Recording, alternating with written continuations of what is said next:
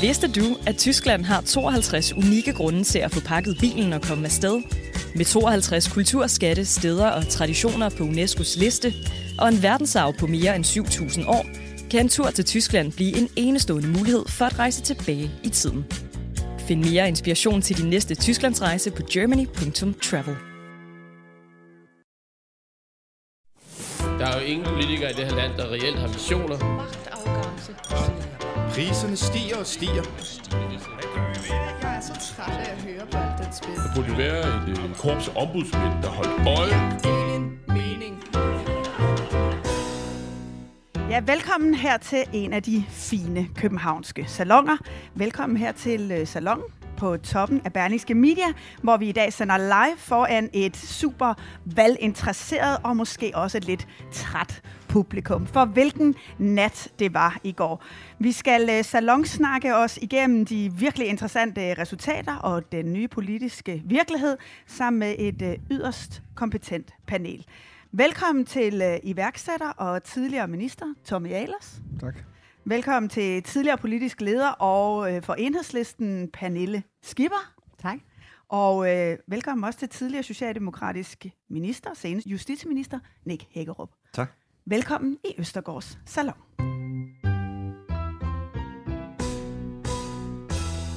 Jamen, jeg kan jo starte med at spørge jer sådan øh, helt kort, øh, hvor mange timer har I sovet i nat? Pernille, hvad Altså på kombinationen af det valg og så to små børn, det er ikke så meget. Det kan jeg ikke lige regne ud. Nej. Nick, øh, tror du på det held, der nu øh, pludselig ser ud til at have tilsmilet Socialdemokraterne? Ej, det er vel først og fremmest vælgerne, der har tilsmilet Socialdemokraterne mere end heldet. øhm, men det er da rigtigt, at det, da, det, var da, det var da vildt at følge i går. Jeg, jeg var et sted, hvor, hvor man både så øh, DR og TV2 og følge udviklingen, også fordi at DR hang noget efter TV2 i forhold til i hvert fald øh, styrkeforholdet hen over og mod midten. Ikke? Øh, og den der udvikling, der skete i løbet af aftenen, det var da, altså, det var da helt utroligt. Helt vanvittigt, Ja, vil jeg godt tillade mig at kalde det. sige. Øhm, jeg tror også, måske er der også nogen i salen her, der er vågnet lidt til et chok, øh, som måske gik i seng og troede, at Lars Lykke havde de afgørende mandater, Mm. og øh, så vågnede vi til en virkelighed, hvor øh, Mette Frederiksen vandt. Øh, hun gik endda frem, Lykke og øh, Danmarksdemokraterne stormede, ikke, men, stormede ind, men fik altså ikke de afgørende mandater. De radikale står nu lige pludselig i en øh, nøgleposition, selvom partiet blev slagtet i valgkampen, og det samme gjorde de gamle borgerlige partier, Venstre og Konservativ, og også Dansk Folkeparti, mens øh, Liberal Alliance fik et kanonvalg. Det bliver ikke bare status quo. Tommy Ahlers, din gamle chef, Lars ja. Lykke. Nå, jeg tror, du mente Jacob Ellemann. Ja, ja. Også Der er ham, to men gamle chefer. tænker, øh, Men- men det er jo- det er jo Lars rigtigt, altså, det er jo helt- han finde på? Selv, selvom vi har jo lidt forventet det, så er det jo stadigvæk trist at se, at, øh, at Venstre bliver, bliver rundbarberet på den måde, de blev, ikke? Og øh, det minder jo lidt om, altså i erhvervslivet, der har man jo en, øh, no- nogle gange laver man en, øh, en, en, en, en spaltning af et selskab, fordi man har en del af et selskab, hvis værdi ikke er helt tydelig for aktionærerne, så kan man splitte det og opnå en højere værdi Nå, det som det, selvstændige enheder. er Og det får man, lidt- det får man jo lidt Ah. indtrykket af, der hvor Jakob også kalder det forenede venstre. Det er jo, det er jo, det er jo naturligt, at det er, altså det er jo ret vildt, ikke? Det er den tidligere næstformand, og så den tidligere formand, der er gået og stiftet hver deres parti, og ja. de øh, har nogle øh, hver især på hver deres måde, både markante personligheder og markante projekter, og det har der været appetit på derude, og det har vælgerne talt, og det er jo på, på sin vis imponerende, men også trist for, øh, for Venstre. Det havde nok været smart at holde det, holde det samlet. Men, øh, men sådan, øh, sådan, sådan blev det ikke. Øh, hvad Lars gør, det ved jeg ikke. Det er du klogere på, tror jeg. Ja, men vi, vi, øh, vi får se, om vi kan blive lidt klogere på det også i, i løbet bare af, af den her øh, podcast. Det, som vi jo i hvert fald kan sige, det er, at det bliver ikke bare status, status quo.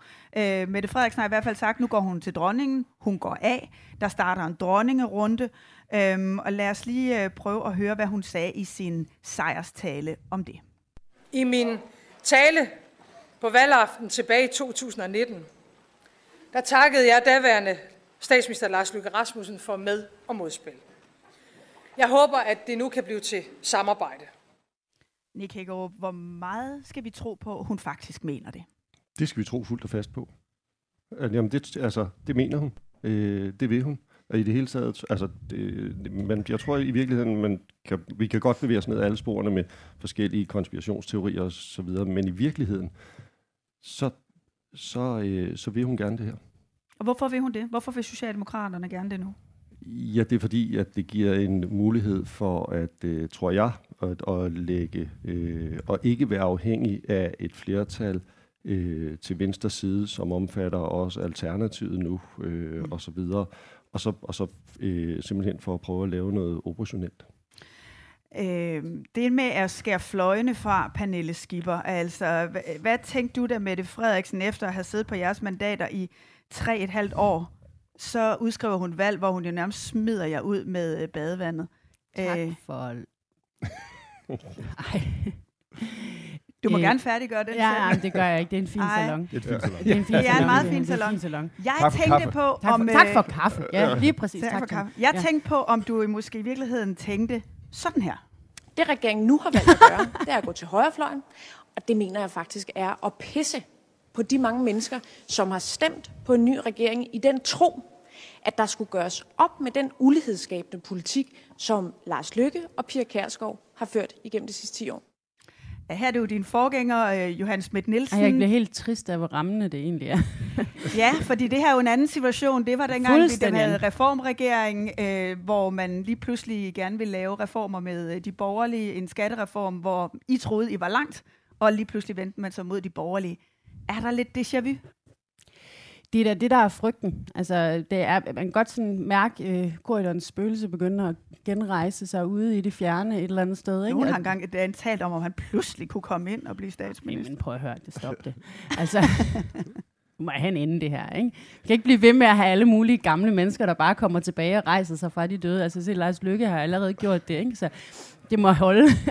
øh, ej, men det er klart, at, at for enhedslisten som parti er det jo øh, bekymrende, synes jeg, at vi nu kan skiftes ud med moderaterne. Øh, ingen tvivl om det, øh, og, og substantielt er jeg også ekstremt bekymret for, hvad det så kan betyde. Mm. Øh, hvilke, hvad de her reformer, som hun står og taler om, det er. Øh, det er jo ikke, fordi jeg sådan er imod reformer i ordets enligste forstand, men det plejer bare ikke at betyde noget, som vi er specielt glade for. Og, øh, og hvis man sådan skal tage de 50.000 i arbejdsudbud, som radikale har meldt ud, øh, Øh, med ind i ligningen, og så Lars Lø- plus en Lars Lykke øh, gange den tale i går, så, øh, så, så er vi da helt klart bekymrede for, at nogle af de her klassiske arbejdsudbudsreformer, de kommer øh, på spil igen, og, øh, og kan betyde det, som de har betydet tidligere, nemlig et ekstremt forringet socialt sikkerhedsnet. Men øh, det vil de nok under alle omstændigheder, fordi selv hvis øh, hun ikke indgår i en regering med Moderaterne eller Venstre, så er der jo et reformflertal, hvor man må gå ud fra i mange politiske aftaler, vil enhedslisten stå udenfor. Og det er jo der, hvor vi så kommer nærmere det, der var øh, anderledes end under korridoren. Altså fordi det, der var dengang, det var jo et enhedslisten, som altid klassisk havde peget på øh, den mest venstreorienterede, realistiske statsministerkandidat, og havde gjort det betingelsesløst. I den forstand, at de kunne sidde på vores mandater. Ikke at vi stemte for deres politik, men at de kunne sidde på vores mandater. Og efter korridoren, og, øh, og, og hvor galt det kunne, vi har set, hvor galt det kunne gå, så lavede enhedslisten jo en helt ny strategi, hvor vi også sagde, jamen der kan også være en grænse. Altså hvis man fører afgørende økonomisk politik til højre i salen, så er det jo nok der, man skal finde sit har det parlamentariske våben, grundlag. hvor man kan vælte selvfølgelig Præcis. statsministeren, men ellers er I jo vant til, at hvis I skal have indflydelse, går det igennem en socialdemokratisk statsminister. Ja. Der er jo heller ikke rigtig andre veje at gå. Nej, det Så- er jo, øh, så det er hvad jo sk- hvad- loddet af at være venstrefløjen. Altså, Så de forhandlinger, der kommer nu, hvordan vil Venstrefløjen, enhedslisten, bide sig fast til, i bordet og faktisk få politisk indflydelse? Det er jo et godt spørgsmål. Det er jo ikke mig, der skal gøre det, men jeg, jeg, jeg tror, at det bliver meget afgørende for det første at illustrere, at hvis Mette Frederiksen hun går til højrefløjen, så er det hendes valg, og at hun havde alternativer øh, hos enhedslisten. Hun kunne have gjort noget andet. Hun kan lige på et hængende hår, men hun kan dog fortsætte det røde og ikke mindst grønne flertal, som har været øh, den sidste periode, som jo også har været øh, historisk god fra sådan et, øh, hvad kan man sige, et, et velfærdsstatselskende, klimaelskende synspunkt, så har vi rykket meget mere de sidste tre år, end man har gjort de 30 foregående.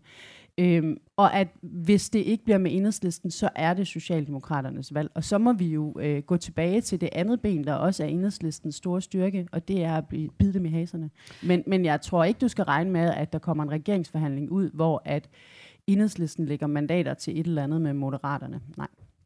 Øhm, et er, at det bliver ekstremt spændende, hvordan der bliver dannet regering. Vi kommer lidt tilbage til det. Noget andet er jo, om det er Mette Frederiksen, som kan stå i spidsen og blive statsminister hele vejen igennem. Hvis man kigger på resultatet, så tænker man, det er den logiske slutning. Og så har vi så Lars Lykke inde i puljen, som vi lige talte om tidligere, man aldrig helt ved, hvad kan finde på. Lad os lige høre, hvad han sagde til øh, den sidste partilederrunde i nat. Søren må, må, jeg, må ikke lige ret en misforståelse? Nu siger jeg, at jeg peger på Mette Frederiksen som statsminister. Det gør jeg ikke. Nej, som, øh, kongelig. som kongelig undersøger. Undskyld. Ja, men ikke som kongelig. Ja, jo, jo, jo. Men det ligger jo i det, det plejer at være med henblik på at danne regering. Det er ikke det, vi gør. Altså, nej. vi peger på Mette Frederiksen med henblik på at afsøge, om der kan laves et politisk program, hvorpå der kan dannes en regering hen over midten. Og i den øvelse må så også ligge, at man finder ud af, hvem skal så være statsminister. Tommy Ahlers, kan du lige oversætte din tidligere formand for Jamen, Lars han elsker at omskrive, øh, omskrive reglerne, det må man sige, det har han også gjort ved, ved det her valg. Øh, altså, der, der, vi skal jo lige huske, der er 40 procent af danskerne, der er endt med at stemme på et parti, der tydeligt siger, at de vil lave en regering over midten. Ikke? Det er øh, Moderaterne, øh, Radikale og, øh, og Socialdemokratiet. De har sagt det hele tiden, ikke? Det er 40 procent. Så der er også et eller andet uh, valgets tale i det for, uh, for statsministeren om, og så også virkelig prøve at afsøge det. Mm. Og det Lars siger her, det, det er, det vil han sikre. Han har jo hele tiden, han har nok troet, at han havde mulighed for at presse det igen, og nu vil han i hvert fald prøve, via den position, han har, at sikre, at det reelt set bliver afsøgt. Og han mener det sgu han har jo også insinueret, at han sådan set synes, det vil være lettere uden Mette Frederiksen for bordenden. Der er en advokatundersøgelse af hele minkforløbet, som er en del af det grundlag, vi skal diskutere. Nick Hagerup, kan man forestille sig, at på et tidspunkt står Mette Frederiksen for meget i vejen for Socialdemokraterne til, at man faktisk ender med at skifte formand i det her forløb? Det kan man godt, bare ikke nu, øh, i forbindelse med det her valg. Altså, øh, det, der er slet ingen tvivl om, at øh, det er Mettes position i Socialdemokratiet er øh, utrolig stærk. Øh, Han blev også godt nok og, cementeret i går. Ja, og der er ingen som helst øh, slinger i valsen i forhold til, at Mette er øh, formand og statsministerkandidat. Og man må også sige, altså, udkommet af det her bliver, nu skal der gå tid op af stolper ned og væk, og det kan bare usikkert, hvor det ender. Det eneste, man kan sige med relativ sikkerhed, det er vel, at Danmarks kommende statsminister hedder Mette Frederiksen. Altså, det, det, de skal og det er så det, Lars Lykke ikke helt vil konkludere, men lad os se, ja, ja, hvad, men, hvad det bliver for men, et forløb. Øh, men i virkeligheden, altså, hvis vi nu lægger til grund, at Lars mener det, han siger, og at Mette mener det, hun siger, øh, og de får sat sig ned, så er det vel svært at forestille sig nogen andre i dansk politik med så stor øh, indholdsmæssig og procesmæssig kreativitet, som lige præcis de to har. Det bliver nemlig meget spændende altså, med de to øh, inde ved et bord. Der, der kan de nok, hvis de vil finde hinanden, finde ud af nye konstruktioner. Altså, lad os nu tage, så er der nogen, der under valgkampen har sagt, hvad for en ministerpost må Lars vil have? Men sådan fungerer det jo ikke op i Lars' hoved. Altså, det, det er jo ikke en ministerpost. Det er jo, det er jo, det er jo, en ministerpost, det er jo sådan en accept af boksen. Han vil jo sige, nej, vi skal strikke noget nyt sammen. Jeg skal fungere på en anden måde. Øh, det skal se anderledes ud. Altså, så, så Øh, så hvis de to mener, hvad de siger, øh, så, øh, altså, så, så skal de nok. Så, altså, så, så kommer det til at lykkes. Det, jeg ved godt, at Men, der var mange proces mellemled, og meget kommer til at tage tid, og ud af døre, ind af døre, og kriser og alt muligt. Lars, har jo, ej, jeg... Lars har jo tidligere prøvet sådan et, et formandskab. Det kan være, han prøver sådan et statsministerskab. Ikke? Ja, ja, præcis. Jamen, det bliver sådan noget... Ja, et del to formandskab. Et del, et del statsministerskab. Ja, ja. Ikke? Jeg synes jo, det interessante også er, at der er jo, også, der er jo ikke kun det at diskutere poster, og jeg, synes, det er en interessant tanke, fordi helt sikkert, ja, det kunne lige ligne ham at komme med en eller anden ny ja, ting op af ja, hatten. Men, Selvfølgelig. Ja. Men det er, jo, det er jo fordeling af poster og positioner. Der er jo noget substans i det her, som er endnu mere afgørende. Hvis man ligesom kigger på, hvad er det, Mette Frederiksen har opbygget den ekstremt store opbakning, som hun har øh, på. Øh, ikke bare i befolkningen, fordi wow, vanvittigt at få over hver fjerde stemme i Danmark på altså på, på en, efter en valgkamp, der har handlet om hende rigtig meget. Det synes jeg er imponerende, det må man bare sige. Øh, men, men og, og så også gøre det efter nogle år med sådan nogle kriser, det er, det, det er virkelig, hendes lederskab er blevet cementeret. Men hun er jo også bygget det projekt op på en venstredrejning i Socialdemokraternes økonomiske politik. Altså, det var et opgør. Åh, men det er vel ikke rigtigt det, hun er gået til valg på nu? Nej, nu er det en bred regering Nej, ikke og den her gang, reformer, men, som... det, men det er det, hun har bygget øh, opbakningen til hende øh, på. Altså, det var et opgør med Bjarne Korydon og reformerne. Det var et opgør med nedskæringspolitikken og skattelettelserne til de rigeste. Er det sådan- sammen, med en, sammen med en højredrejning på udlændingepolitikken. Er det ikke sådan lidt enhedslistens ønsketænkning, det du kommer med? Nej, jo, det kan godt være. Nej, men ikke, at- ikke at sige, at hun ikke at sige, at hun så har tænkt sig at fortsætte, eller i øvrigt komme mere i enhedslistens retning, for det er der jo ikke noget, der tyder på overhovedet. Men sådan som jeg kender hende, så er øh, hun heller ikke øh, i den position, fordi hun gerne vil være i den position. Hun er i den position, fordi hun rent faktisk mener nogle ting. Jeg er ikke enig Nu- i det hele, men noget af det. Så når hende og Lars Lykke, de på en eller anden måde skal det til, få det til at kreativt mødes, så er der jo altså også nogle hæler tær, som skal klippes på substansen. Og, og hvem klipper de største hakker af? Det bliver altså ret spændende. Det bliver rigtig, rigtig interessant, og jeg tror, vi i hvert fald er enige om, at vi kommer nok til at væbne os med øh, tålmodighed. Øh, Nick, da I sad ude i øh, det sorte tårn tilbage i øh, 2011, det tog 18 dage. Ja. Øh, Anker Jørgensen har rekorden indtil videre. Han har brugt 35 dage tilbage i 75 på at danne regering. Øh, hvis Lykke lige pludselig bliver ekstrem kaosorienteret, så vil jeg være øh, overrasket, hvis vi har en regering inden jul. Men lad os nu prøve at se. Det, der også er interessant, det er de radikale, Mm. som vi jo ellers nærmest har dømt ude i hele den her valgkamp.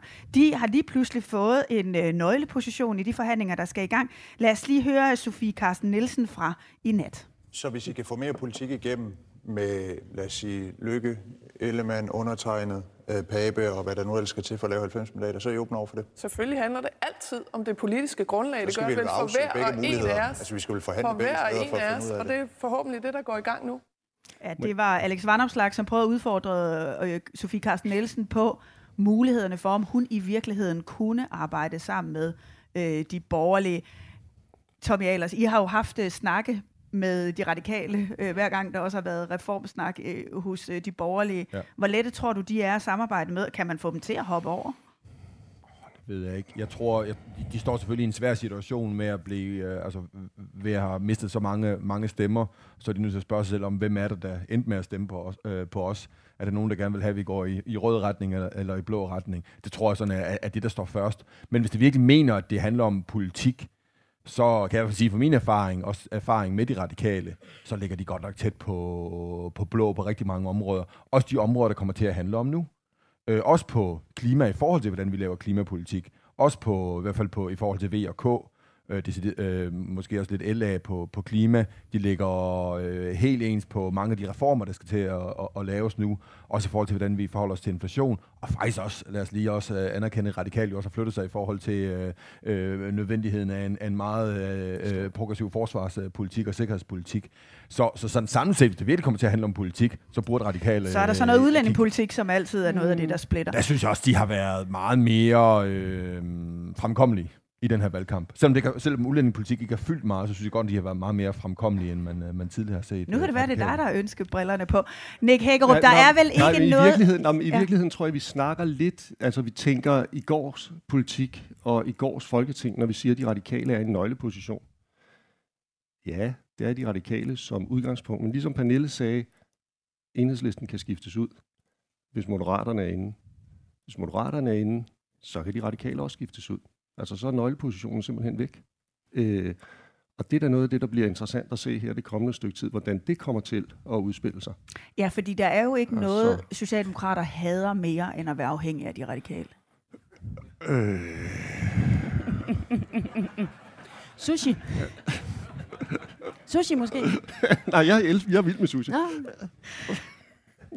Hvad er det for en position, Hækkerup, at, øh, at de radikale jo trods alt kan blive super interessante i det her forløb, der kommer nu? Fordi I har ikke lavet andet end at smadre dem i løbet af hele valgkampen og sige, vel ikke i regering med dem, og stadig nok at gnide jer lidt i hænderne om, det gik sådan ned. Nu står Sofie Karsten lige pludselig der og kan bestemme noget.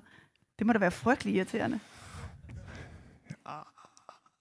Ja, ja, det er det vel nærmest. Øh, frygtelig irriterende. Øh, jamen, hvad, hvad vil de gøre nu? De radikale, de, de vil pege på Mette, så skal man i gang med nogle forhandlinger, så skal øh, partierne til i størrelse, så skal man finde ud af, hvad er der at gøre godt med. Og der bliver det altså, det bliver jo lidt, altså, Lars Lykke er jo der, det sted, hvor de radikale allerhelst ville være, bortset fra, at han så lige manglede et enkelt mandat. Ikke? Øhm, så, så de radikale er selvfølgelig, set med radikale briller, et, et godt sted, men det er ikke det sted, de gerne vil være. Altså, det er de simpelthen ikke. Så skal der ske det, som Pernille siger, så skal man igennem et langt forløb, hvor man konstaterer, at det gik så ikke hen over midten, og så skal der dannes en regering. Men hvordan synes du, de var at have med i det sorte tårn? Nu ved godt, du... Øh, og... øh, jeg tror, at... Øh... Det er jo ikke de samme mennesker. Altså, det er jo ikke de samme mennesker, der sidder der nu, som der sad i det sorte tårn, eller som i øvrigt sad og forhandlede forståelsespapir sidst. Det, det tror jeg ikke, man skal tage fejl af. Så det, det du siger, noget. at de er ikke helt lige så stejle, som Margrethe Vestager? Det er nogle andre mennesker.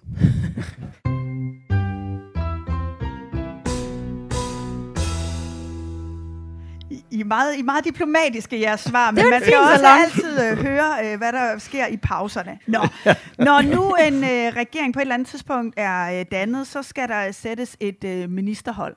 Hvis vi nu øh, leger med tanken om, at øh, moderaterne kommer til at få ministerposter, så må man forvente, at Lykke nok hiver nogle eksterne profiler ind igen som minister. Tommy Ahlers. er du på vej tilbage? Det er, har du, du har jo prøvet før, at Lykke ja. ringer. Hvad vil du sige, hvis han ringer igen og spørger, om du vil være minister? Jamen det jeg kommer til at sige, at jeg er i gang med noget andet nu, og jeg sidder i Venstre, så det vil være, det vil være lidt underligt at, at, at gøre det. øh, men, men selvfølgelig høre, hvor, hvor, hvordan den der koncernstruktur med Venstre egentlig fungerer. øh, den, der, den der fælles uh, hovedbestyrelse, hvordan den bliver skabt og sådan nogle ting. Øh, nej, det, det, det, det, er ikke, det, det kan jeg ikke se kommer til at ske. Altså, Hvad det, tænkte du første gang, han ringede tilbage i 2018? Hvad tænker man, når man sidder der i det private erhvervsliv, og lige pludselig øh, ringer statsministeren og beder ind om at være minister? så tænker man, øh, jamen, altså jeg var rundt om, om mange, mange overvejelser, det er egentlig endte med, øh, at der, der hvor jeg altid har placeret mig, det er steder, hvor jeg synes, jeg kan skabe øh, sådan en reel forandring. Det har jeg gjort som, øh, som iværksætter, det har jeg gjort med de her lidt over 20 virksomheder, jeg har investeret i. Og øh, det var egentlig også det, jeg tænkte, øh, kan man, altså det første spørgsmål, jeg tænkte, var, er det, altså, er det et sted, man kan skabe reel forandring? Og det endte jeg med, at faktisk så synes, jeg fik jo desværre kun 13 måneder som, øh, som uddannelses- og forskningsminister, men jeg synes faktisk godt, man kunne skabe reel forandring. Øh, også på, på den øh, ministerpost med at lave nogle ting om uddannelsessystemet, men måske også med at lave nogle ting om, øh, være med til at skubbe til nogle ting øh, internt i Venstre. Så det synes jeg. Men så endte jeg jo med at konkludere, øh, derfor lidt over et år siden, nu kan jeg sige, at jeg gik fra min bestilling to tredjedel ind i valgperioden, fordi vi fik et valg lidt før, så det var ikke halvdelen af, af valgperioden. Så to tredjedel ind i valgperioden, der valgte jeg at sige, at, at jeg tror, jeg kan skabe større forandring øh, udenfor, øh, i forhold til klima, fordi jeg synes stadigvæk, der er noget forlorent Du gad simpelthen ikke, når du kunne være minister? Nej, nej. ja, okay, jeg anerkender fuldt ud, at man kan skabe mere forandring som minister, end man kan som i opposition, ikke? Fordi nogle gange er, er oppositionsrollen... Du kan lige så godt sige det som det er. Det er røvsygt at være i opposition. Ja, det, altså engl- englænderne... det er rigtigt. Eng, eng, eng, det er jamen, englænderne, englænderne har jo sagt det meget, meget tydeligt. Politics is great, opposition sucks. Ja. det, det, det, gør det bare, fordi det, det, det går for meget op i, at man skal, man skal finde... Man skal faktisk lede efter noget dårligt. Ja. Og så skal man give regeringen skylden for det. Ja. Altså, sådan, sådan, sådan virker det lidt, sådan, sådan stillingsbeskrivelsen egentlig er. Og det er øh, som iværksætter, der gerne vil tænke, at, øh, at 2 plus 2 altid kan blive 5, så i det der nulsumspil, som man virkelig mærker som, øh, som oppositionspolitiker, det, er, det synes jeg er et hårdt sted at, sted at være. Så det andet jeg kender jeg fuldt ud. Men, men, men jeg vil jo tænke, hvor, altså, på klima, der synes jeg stadigvæk, der er noget forlorent over debatten, at vi tør virkelig at tage fat. Og derfor tror jeg også, at jeg kan skabe, stadigvæk skabe større forandring ved at prøve at vise udenfor, at der er nogle nye teknologier, som faktisk kan lade sig gøre i forhold til fødevare, i forhold til byggematerialer, i forhold til energi, og så vise ind til, at vi både kan bruge dem til at skabe noget reel forandring, og vi også kan bruge dem til at skabe nye arbejdspladser. Og det forhåbentlig kan skabe noget mere håb og optimisme omkring de helt øh, radikale forandringer, vi har brug for i forhold til alle sektorer af dansk og internationalt erhvervsliv. Ikke? Øhm, og det er jo selvfølgelig også derfor, i forhold til det der med oppositionen soks, og kan man få mere øh, erfaring, eller kan man få mere igennem ved at sidde i regeringen, det er jo selvfølgelig også derfor, at der nu er så meget fokus på, om nogen kan komme ind og få de der ministerposter. Mm. Jeg vil bare gerne lige holde fast i, i Lykkes øh, position, øh, fordi Lykke har jo øh, talt i meget sådan en erhvervs øh, livslingo. Han har sagt, at han stiller op for bestyrelsen øh, Danmark AS. Øh, han har talt om, at nu får vi nogle almindelige mennesker ind i Folketinget. Øh, men den der overgang fra erhvervsliv og ind i politik, Hvordan oplevede du den? Og, øh, fordi... Altså, da, ene, da enhedslisten var færdig med at drille mig ned i folketingssalen, så synes jeg egentlig, det var meget fedt. Nej, det var så godt gået, Eva, det der. Der, fik hun der, der var en situation, jeg havde været minister i to dage, og så, så, tænker, så, så kan man ikke helt uh, gennemskue sådan spillet ned, så står jeg nede i folketingssalen med en sag, og så spørger enhedslisten, om de vil blive inviteret med til forhandlingerne. og så prøver jeg at kigge over til, til en embedsmand over en embedsmandsloge og finde ud af, hvad må jeg svare her. Og den embedsmand øh, kigger, altså jeg får øjenkontakt med embedsmanden, og så gør hun sådan her. og til, nu, nu er det en podcast, vi laver, så er det ikke så sjovt, men øh, hun, hun, hun, trækker, sig bare på skuldrene. Og så må jeg bare sådan forfalde til, hvad man gør, øh, og det er måske det sværeste, men også det smukkeste ved at komme ud fra ind i politik, det er, at man tænker på med, med, med ryggraden i stedet for, hvad plejer vi at gøre i politik. Og ryggraden er jo, at hvis der er nogen, der byder sig til, og egentlig gerne vil snakke om at prøve at skabe noget, der er bedre, så sætter man sig ned og snakker med dem. Og det var det, gjorde med enhedslisten, og vi endte med at lave en aftale, ja, ja. hvor enhedslisten var med. Ja, ja. Det var det, de, det var faktisk Socialdemokratiet, der var mest sur over, at vi havde inviteret enhedslisten ja, med ind. Og de havde ikke med til at funde pengene, og hvad med i gamle dage og sådan noget. Og det er jo det, der er det værste ved at være i opposition, især som enhedslisten, det er jo, at der er, så er der for eksempel, så er der sådan et spil, der handler om specifikt at holde enhedslisten ude af aftaler. For eksempel forskningsaftalen. Ikke? Så, selvom vi har ikke noget imod den, vi elsker den, ja. den er fin, den vil rigtig gerne skrive under på, så må vi ikke skrive under Nej. på den. Ikke? Der kan man altså simpelthen sidde i sådan et sit oppositionshjørne og være ved at eksplodere. Men så heldigvis så kan man også snøre en ny minister engang. jeg følte, det var mig, der snørede. Men det der med at snøre... men, men, men, men, men bare lige for at svare på spørgsmål. Jeg tror, at politik er egentlig, min oplevelse af, at politik er egentlig mere tilgængeligt for udefra kommende, end man skulle tro. Det, det, er min, det er min erfaring. Så det der med enhedslisten lykkes med at snøre dig og sådan noget, det Jamen, det var, det, det, altså det, det havde jeg nok, Nå, men jeg det tænker, det kan jo forestille sig en gruppe øh, hos Lars Lykke, der kommer nye øh, kandidater ind, som ikke har nogen politisk erfaring. Man kan forestille sig, at der bliver trukket ministre ind, som måske kommer fra erhvervslivet. Altså, alt kan jo ikke bæres jo, men de har jo erfaring. Prøv at høre, de har erfaring. Vi er nødt til at være med at se politik som en helt afsondret del af samfundet. Politik er, at man har gjort noget ude i det virkelige liv, og så prøver man at omsætte det til noget. Og det har man jo været vant til. Man har været vant til i de positioner, man har i erhvervslivet, at prøve noget ude i det virkelige liv, som så er ude for ens virksomhed, og så omsætte det til handling med, med, med de produkter, man arbejder med i en virksomhed. Det er den måde, man arbejder med ledelse på. Og det er det samme som minister og som folketingsmedlem. Så er der nogle formelle regler der får man sådan en lille pamflet, der hedder Folketingets forretningsorden. Den kan man godt ret hurtigt øh, læse. Jamen altså, jeg tror ikke, vi skal gøre det mere kompliceret at være politik, og jeg synes, det er sundt for politik, at der hele tiden kommer flere ind udefra, der er med til at prøve at gøre det måske mere til, at det her er fornuftigt eller ikke fornuftigt, i stedet for mere til, jamen du sagde også en gang, og jeg husker den der aftale, vi lavede dengang, der var du sådan og sådan. Men jeg Men tror Nico, dog, at det der med, må jeg ikke, jeg, altså det er jeg egentlig sådan set substantielt, altså grundlæggende enig med dig i, Tommy, men, men jeg, jeg tror også, altså de snakker om, at før øh, øh, valget øh, gik alle, går alle betjentene i gang ind i Folketinget. Ikke? De går rømmer kontorer og tager folks adgangskort, ja. der ikke stiller op igen, og det er skrækkeligt traumatiserende. Ikke? Men, men de snakker jo om, at det her det bliver det, den største udskiftning af mm. folketingsmedlemmer i, i rigtig, rigtig lang tid, måske endda nogensinde, og de regner med 90 udskiftninger. Det er immer væk, immer væk en chat erfaring, når halvdelen på tværs af alle partier ryger bliver skiftet ud på én gang. Både fordi der er historisk mange, der ikke genopstiller, men også fordi der vil være udskiftende mange steder, der er kommet nye partier til. Massen af erfaring der kommer til at, at skabe et hul, hvor jeg er bekymret for, at det kan føre til en yderligere centralisering, især i de store partier, især sådan et parti som Moderaterne, som har en meget erfaren leder, og så en masse nye ansigter. Betyder det, at de kommer til at sætte sig endnu mere for sig selv og klappe tingene af, øh, og at der bliver endnu mere øh, backbencher, du gør, hvad der bliver sagt, øh, attitude derinde. Det vil jo være skadeligt for vores demokrati. Nick Hækkerup, hvad har det betydet for muligheden for at agere som minister, at man har en ekstrem topstyring i et parti? Må jeg ikke lige, jeg skal nok svare på det, men, men, men lidt tilbage til det, som Tommy rejste, eller som du spurgte Tommy over, og Tommy svarede med, øh, med, at det er rigtig godt, der kommer folk ind udefra. Det er jeg jo enig i. Øh, men, men jeg tror også, at man bliver nødt til at anerkende, at politik er, øh, det er ikke sådan noget, man enten kan eller ikke kan.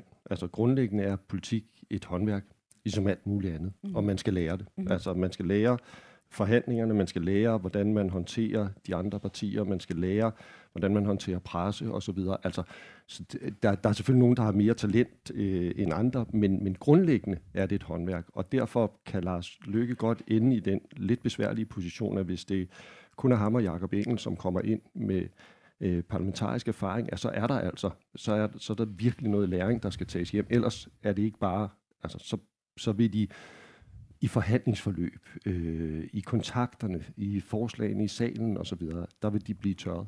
Altså, så, så derfor er det, altså, så, så det er rigtigt, det er godt, der kommer nogen ind udefra. Men selv men, hvis der sidder ekstremt erfarne ja. minister, som ja, for eksempel ja. dig selv, ja. eller hvis vi kigger på det socialdemokratiske ministerhold, ja. som var ja.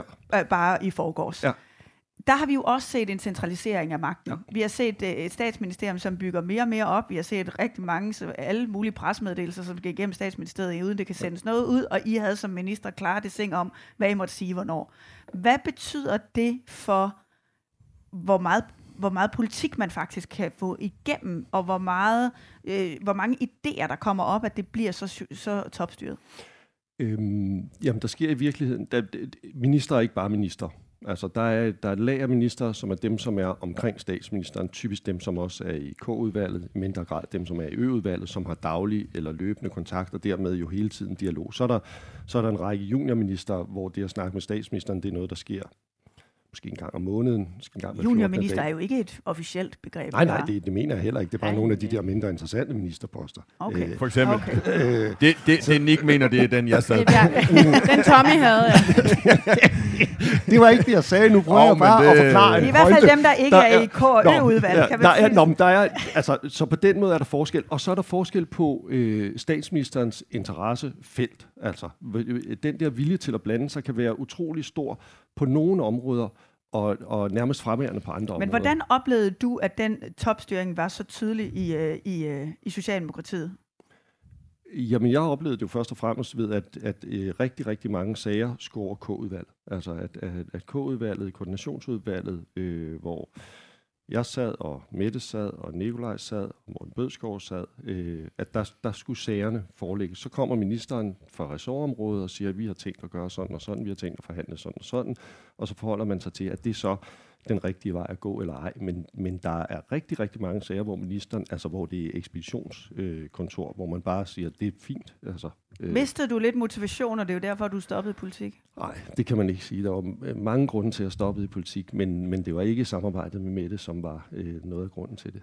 Men, men det, du beskriver der, Nick, det er vel det samme som, øh, som en flerpartiregering, har vel også rigtig mange sager forbi ja. K-udvalg. Ja. Så, så derfor er det ikke anderledes. Altså, det er vel også derfor, at man synes, det kunne være interessant at få en, en flerpartiregering. Der er flere, der har sagt det. Har I egentlig sagt det? Det kan jeg ikke engang huske. Det tror jeg, om det er flere eller ikke, det er sådan set Nå, okay. Det er lige, bare, men, det, bare det ikke er med Lars Lykke. Men, men, men Nick, jeg er enig, enig, Nick, jeg er enig, jeg anerkender fuldt ud, at politik er et håndværk. Men Altså, men, men det kræver ikke så mange års mesterlærer som nogle af de andre øh, håndværk derude i, i, i Danmark. Og det vil sige, jeg tror, det er den læringskurve, man skal på, kan de fleste intelligente mennesker godt klare på forholdsvis kort tid. Og så tak bare for så lige at tale erhvervet op, øh, Tommy. nej, nej, men prøv at høre, erhvervet handler der om at prøve at lave noget, der virker ude i virkeligheden. Og det er det, vi om noget har brug for, det er at lave politik, der virker i virkeligheden. Jamen, jeg tror... Der er det ikke dårligt, at der er nogle flere, der kommer ind udefra. Det tror jeg altså ikke på. Ej, men... Jeg synes, det er ærgerligt, at, Venstre skal skiftes, at der er mange, der skal skiftes ud i forhold til Venstre. Men derudover, der, jo flere nye, der kommer ind, jo bedre politisk kultur tror jeg, vi får.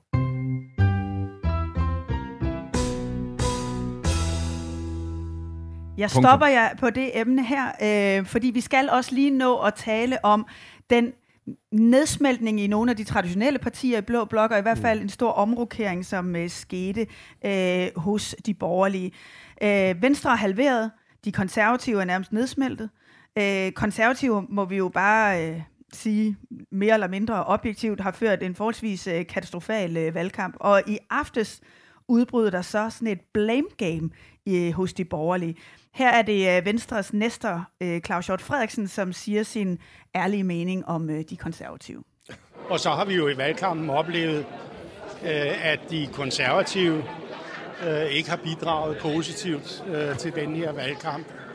Og det kunne man måske have forventet, at de havde været lidt mere driftsikre, men de startede med at lægge ud med at præsentere et program, hvor der skulle gives topskattelettelser og øh, min erfaring siger mig, at øh, det er altså en taberstrategi.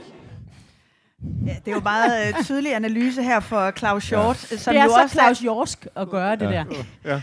Men, men uh, det Tommy Ahlers, han, han, han for, det er jo også fordi, han er frustreret over, at de konservative forlader det, vi har sådan kaldt hjortdoktrinen, med at man Mm. skal huske at have det brede borgerlige med, øh, hvis øh, man vil have et flertal øh, i blå blok.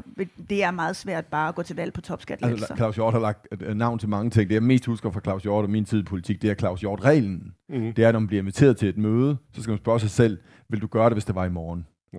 Det er altså et meget godt princip i forhold til, det kan jeg lige give til alle lytterne derude, i forhold til at blive inviteret til et eller andet, det ligger øh, tre måneder ude i fremtiden, så tænker man, lige i marts, der vil jeg gerne, meget, meget gerne ud til danske øh, vandværkers øh, generalforsamling i Esbjerg og, og tale om vandkultur i Danmark.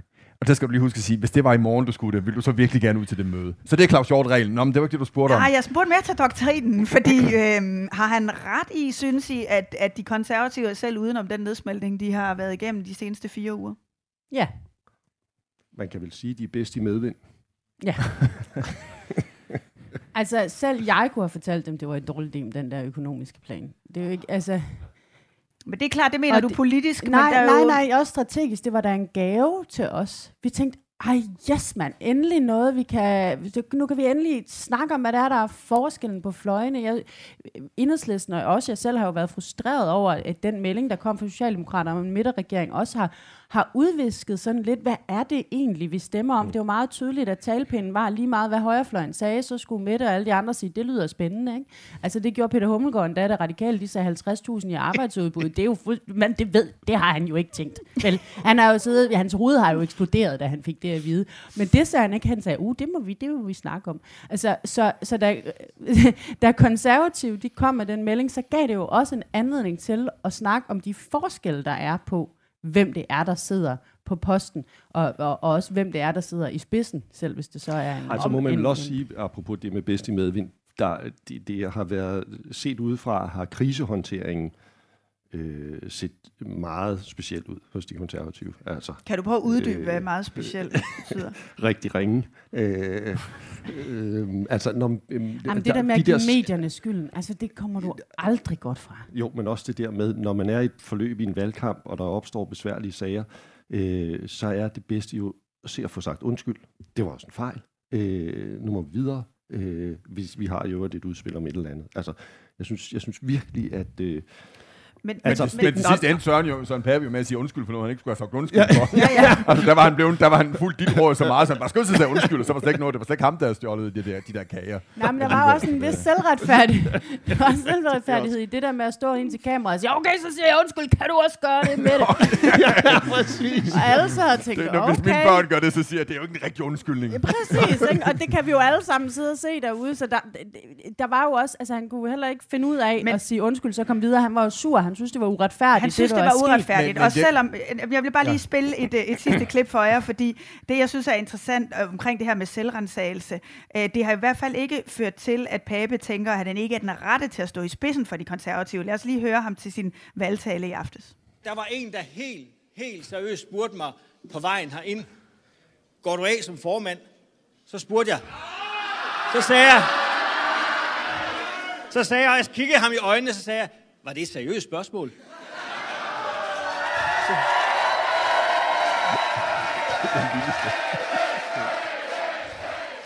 Ja, der er åbenbart øh, stadigvæk øh, fuld opbakning. Er det så håbløst et spørgsmål fra journalisterne, ikke? Øh, Nej, det er det ikke. Det, der, er- det, der, er, det, der er, er håbløst, det er i virkeligheden svaret. Altså, Ja. øh, og Så der spurgte man- jeg, så sagde jeg. Ja, der skal man bare huske tilbage på gode gamle Erling Olsen, øh, som I kan huske, øh, kan jeg se, når jeg kigger ud over publikums aldersgennemsnit. øh, øh, og Erling Olsen, han sagde, jeg kan ikke citatet øh, fuldstændig, men det var nogenlunde sådan her. Hvis man flygter fra ansvaret, så kan man være sikker på, det indhenter en. Men hvis man prøver at gribe ansvaret, så løber de fra en. Øh, og, og derfor skulle, altså, øh, og Pabes, øh, jeg løber fra ansvar. Øh, det er der ingen grund til. Øh, jeg er væk herfra. Mm. Hvor- det skulle man nok have overvejet. Ja, hvordan ser du... Må, øh, må, jeg, må jeg ikke ja. svare på, øh, fordi det Claus Hjort prøver, det der går i gang nu, det er jo at prøve at analysere, hvorfor øh, Blå Blok egentlig, egentlig tabte. Jeg tror faktisk, øh, og det, det har vi slet ikke snakket om endnu, men jeg tror faktisk, at det er et, øh, igen blev et klimavalg, og det var klima, der blev det udslagsgivende. Og der er det bare stadigvæk, der er det sådan, at, øh, at i Blå Blok, der tager øh, V og K som er mindst lige så ambitiøse som øh, Rød Blok, øh, vil gøre det på en anden måde, men mindst lige så ambitiøse på klima, så tager de altså farve af, når Inger, står, øh, Inger Støjberg for eksempel står mm. og siger øh, i en af de sidste partilederrunder, mm. at øh, det kan vi bare lige vente med. Det kan vi sgu ikke vente med. Og det er der for mange, der lytter til, og så, så er det stadigvæk, ligesom det har været med udlændingepolitikken, at Socialdemokratiet har taget farve af andre i blokken, men er lykkedes at sige sig fri for det. Der er VK bare ikke komme fri af de andre i blokken, hvad de mener om klima. Og så, så bliver det for nemt for nogle andre i rød blok at skyde over og sige, så vil I det ikke rigtigt, selvom de faktisk gerne vil det og lagt nogle ret vilde planer frem. Så derfor tror jeg, at øh, talen her igen er, at klima er så super vigtigt, og ender med at være udslagsgivende. Jeg har mødt det mange, jeg ved godt, jeg møder mange med det, jeg laver nu, der, der virkelig går op i klima, men alligevel ender det med, nogen der gerne vil en borgerlig retning, ender alligevel med at lade klima være udsagsgivende i forhold til, hvordan de sætter deres stemme. Ikke? Men så jo faktisk også, også at Alternativet, må jeg bare ja, lige hoppe over til jer, øh, Pernille Skipper, fordi øh, Alternativet voksede jo faktisk ret meget til sidst, og stod ja. med en grøn profil, og endte med øh, at faktisk få et pænt valg. Øh, men, øh, men I til gengæld, som jo også gerne vil være et, kendt som et grønt parti, gik jo øh, faktisk øh, øh tilbage. Ja. Øhm, har I ikke været tydelige nok på den dagsorden, som Tommy siger her, og fokuseret mest øh, for meget på det røde, eller hvad gik der galt i enhedslisten? Nej, altså der er jo blevet ført en meget fokuseret klimavalgkamp fra, fra enhedslistens side faktisk. Altså mere fokuseret på klima end nogensinde før. Øhm, og, og, og enhedslisten, altså mig, hvad hedder det, brillerede jo også i at sætte noget dagsorden og Men I taber landbruget. fire mandater. Ja, det er ikke sådan øh, lidt... Ja, det er... Øh... Ja. ja, den har jeg ikke lige fundet en, en sådan fuldstændig uh, grimasse Dit politikers svar på endnu. Nej, men det finder jeg på et eller andet tidspunkt i løbet af formiddagen, når jeg har været igennem det spørgsmål et par gange. Nej, altså det var jo ikke godt. Altså jeg tror, at, øh, at muligvis så har vi specifikt faktisk været lidt sårbare omkring det der klimavalg. Jeg tror, vi har, jeg tror, vi har blødt nogle vælgere på, øh, vores sådan klassiske velfærdsvælgere til SF, fordi vi har snakket rigtig meget klima, og også nærmest måske kun klima. Øh, og så tror jeg også, at det, der skete de sidste faktisk kun to-tre dage, der gik målingerne jo fra, at Alternativet lå lige under spærregrænsen, til at de kom ret markant over spærregrænsen. Og jeg tror netop, at de klimavælgere, som vi deler med Alternativet, de valgte i det der sidste øjeblik at være strategiske. Vi så også Måns Lykketoft være ude og opfordre til, mm. at man stemte på Der skulle i hvert fald ikke være stemmespil. Der skulle ikke være stemmespil. Vi sad altså og snakkede om, kan det, at Alternativet ikke kommer over spærregrænsen, kan det simpelthen tabe blokken? Øh, flertallet. Og det må man sige, men det er meget tætte valg, der endte med at være, det, det kunne det godt, hvis det der havde været stemmespil så på 1,8, derfor er der jo ikke noget ulogisk i, at der er nogle meget grønne vælgere, som ville stemme enhedslisten, som i de sidste to dage tænkte, jeg stemmer sgu på Alternativet. Jeg prøver at få dem hed over den der grænse. Der tror jeg, vi har, der tror jeg faktisk, vi har blødt nogle grønne vælgere, øh, som uden at vi sådan, kan man sige, kunne gøre for det, men netop fordi vi fokuserede meget Eller politikens analyse, der viste, at 80% af alle kendte stemmer Alternativet. De havde sådan en mærkelig rundspørg ja, til 10 kendte, og så 8 ud af 10 stemte på Alternativet. Altså. Ja, men må jeg ikke lige sige, fordi Thomas' analyse er jo uhyre interessant. Det er ikke sikkert, det har været afgørende, men det er en rigtig pointe, den der med, at det er svært for de blå at blive grønne, fordi at der er dem der, som har råbt op om klimatosser og nu Inger og så videre. Og hvis det er rigtigt, så har Blå Blok et strukturelt problem. Ja. Fordi hvis klima bliver ved med at være vigtigt, så vil der være en samlet rød blok, der fremstår utrolig klimaansvarlig, og så vil man kunne spille øh, blå blok ud mod hinanden. Men det strukturelle problem et, har man jo løst, har Socialdemokratiet jo løst ved at være meget, meget markant på udlændingepolitikken. Ja, der præcis. Men, det, men, men det, det, det er så også det, man skal gøre. Problemet er, så skal man have Inger med. Ja, eller også skal de prøve at lave sådan Nå, en omvendt øh, øh socialdemokratisk ind, og, og så bare sige, hak, øh, hak Inger af og sige, du får nul indflydelse på det her område. Det går, det bliver og det kommer jo, øh, det afgørende der bliver jo også, Ej, hvem der okay. så kommer til at danne den regering. Vi kigger ind i et vanvittigt interessant forløb de næste uger, må man øh, gå ud fra. Det er hurtige slutsvar fra jer hver især. Hvem ender med at sidde i regeringen? Nick? Jeg tror, der kommer en regering hen over midten. Bestående af? Øh, ah, det er svært, men, men øh, hvis jeg skal, og det skal jeg jo ikke, men nu gør jeg det så alligevel. øh, Socialdemokratiet, Moderaterne, øh, SF, øh, måske Venstre, måske. Ikke det radikale? Åh. Oh. Pernille, hvad tror du? Jeg tror, det er gratis bud. det er gra- tak. Okay. Ja. Så, siger, så siger jeg, jeg, ikke at jeg håber det, men jeg tror, Socialdemokraterne og, og Moderaterne, jeg tror, øh, SF øh, trods alt må kunne huske lidt mere fra torningtiden, end at gå i regering med Lars Lykke. Tommy, hvad tror du? Jeg kan ikke helt matematikken, men jeg synes, det kunne være vildt spændende at se, om det faktisk kunne laves nok lidt i retning af det, Nick siger, men en flertalsregering ind over midten.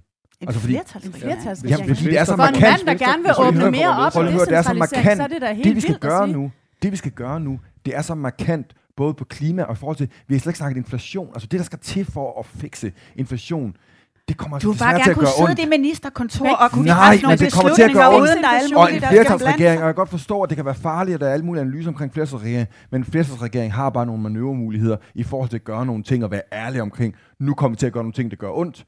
Det gør vi, og så skal det nok blive godt igen på den anden side af det. Og det tror jeg, det, det kan lade sig gøre. Så det synes jeg kunne være Men en regering, hvor Tommy Ahlers ikke bliver minister. Nej. Eller ja. Nej. Eller, øh, Nej. Nej, okay. Godt, ja, vi, øh, vi når ikke mere i øh, denne her salon. Øh, tusind tak, fordi øh, I vil komme. Tak til øh, Tommy Ahlers, Pernille Skipper og Nick Hækkerup. Tak. Tusind tak til jer publikum for at komme. Lad os give dem en hånd.